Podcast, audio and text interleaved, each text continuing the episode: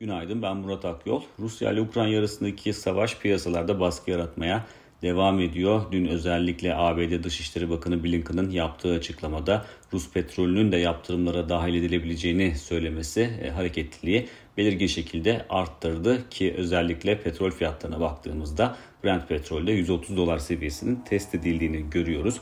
Rusya önemli bir e, enerji üreticisi. Avrupa açısından da en önemli tedarikçi konumunda. Dolayısıyla böyle bir adımın atılması oldukça önemli. E, şu anda bölgedeki savaş zaten Avrupa'da büyümeyi muhtemelen e, aşağı çekecektir kısmen. Bunun yanında enerji fiyatlarındaki yukarı yönlü eğilimde zaten enflasyonla mücadele eden Avrupa'da e, enflasyonu daha da e, problemli bir hale getirebilir. Ama şu var ki e, petrole bir yaptırım uygulansa bile bunun alternatifi yine petrol olacaktır. Ve bu konuda da muhtemelen İran ya da diğer ülkeler gibi büyük üreticiler devreye girebilir. Ki İran'la yürütülen şu anda nükleer e, anlaşma görüşmeleri de e, olumlu bir zeminde ilerliyor.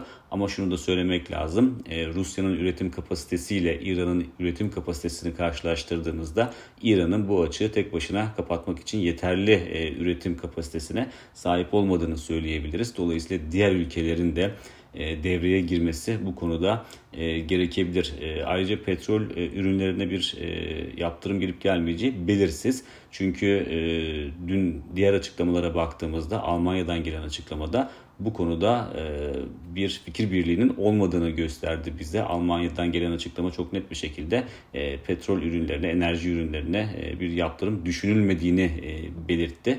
Fakat e, bu açıklamadan birkaç saat sonra İngiltere'den gelen açıklamaya baktığımızda orada da e, petrol ürünlerine olan e, yaptırım ihtimalinin de masada olduğu belirtildi. Dolayısıyla şu anda tam bir e, fikir birliği oluşmuş değil e, Rusya'ya karşı olan batılı ülkeler arasında. Ama önümüzdeki dönemlerde, e, günlerde bu konudaki e, açıklamaları, yaptırım ihtimalini piyasalar yakından takip etmeye devam edecektir ki az önce bahsettiğim gelişmeler, haberler piyasalarda dün de hareketliliğin belirgin şekilde artmasına neden oldu. Önce Blinken'ın açıklaması, ABD'den gelen açıklama, sonra Almanya'dan gelen açıklama, ardından da İngiltere'den gelen açıklama biraz kafa karıştırdı.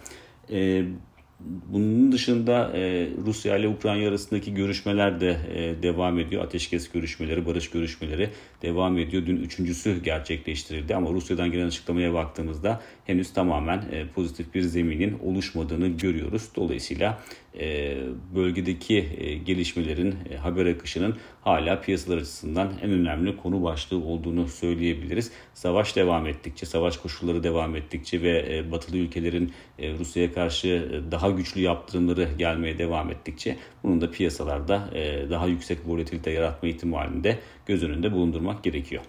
Bir sonraki podcast'te görüşmek üzere.